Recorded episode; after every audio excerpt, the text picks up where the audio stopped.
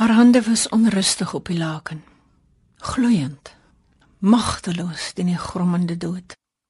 Ek het die pers waslappie vir die soveelste keer onder die koue kraan loop nat maak. Haar hande daarmee afgevee. Oor die brug waar die sonsproete nog hardnekkig vroeëre somers herdenk, deur die palm wat sis van die koors, langs die dun vingers af, een-een tot by die bekwam breë naels. Met hierdie vingers het sy duisende briewe, notules en verslae getik. Vinnig, betroubaar, akkuraat. Ek onthou hoe hierdie vingers kleindag ons veters kon vasknop, dorings uithaal, die speelvuil saans in die bad kon afskrob. Ek voel nog hoe haar hande die blommetjies bont ons kom bersig om my slaapskouertjies invou.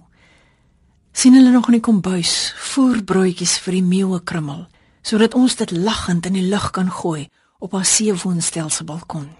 'n Bietjie bangerig vir die meeu's wat so skielik uit die lug sweep en so presies weet waar om te pik, maar terselfdertyd gerus, want haar hande het ons weggeruk wanneer die skerp snavels te naby gekom het.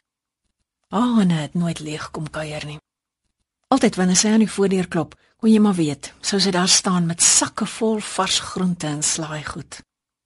En as jy aan haar deur sou klop, het sy sommer met die oopmaakslag al gevra as jy lus vir tee en dan nooit net kaal tee gegee nie, altyd 'n ietsie by. Meesal 'n dingetjie uit die ou mooi geelhoutkas onder oupa hulle se erfhorlosie. Nou het die wiel gedraai. Sedert sy haar hande daai dag vir die laaste keer oor mekaar gevou het.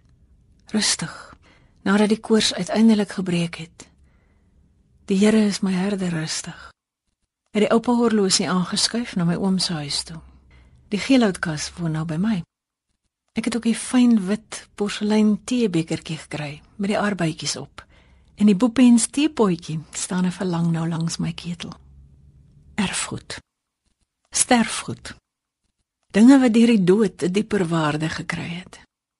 Dinge wat jy juis daarom liewer nie wou hê nie en tog so bitter graag wil hê. As ek kon kies, sou ek haar liewer nou aan die voordeur wou hoor klop. Ek kan nie kies nie. Daarom sit ek die ketel aan en vou my hande vol gedagtes om my kosbare arbeibekertjie. Sy was lief vir sterk tee. Niks flou en afgewater vir haar nie, dankie. En so het sy geleef ook. Ag, ek onthou nou nog haar uitbundige lag en moliepunt se bibberwater wanneer sy blindelings induik agter die eerste rotse. Haar stilte oor seermaak goed. Haar onverdunde genot aan eenvoudige dinge. Kersies van die boom af. Veldrif se vars gevangde vis die pak van 'n braaivuurtjie. By haar erf ek veel meer as net goeders. Ek erf 'n leeftyd se rykdom aan menswees. Dankie Here vir die voorreg om gevorm te word deur geliefde mense wat ons vooruitgaan. Amen.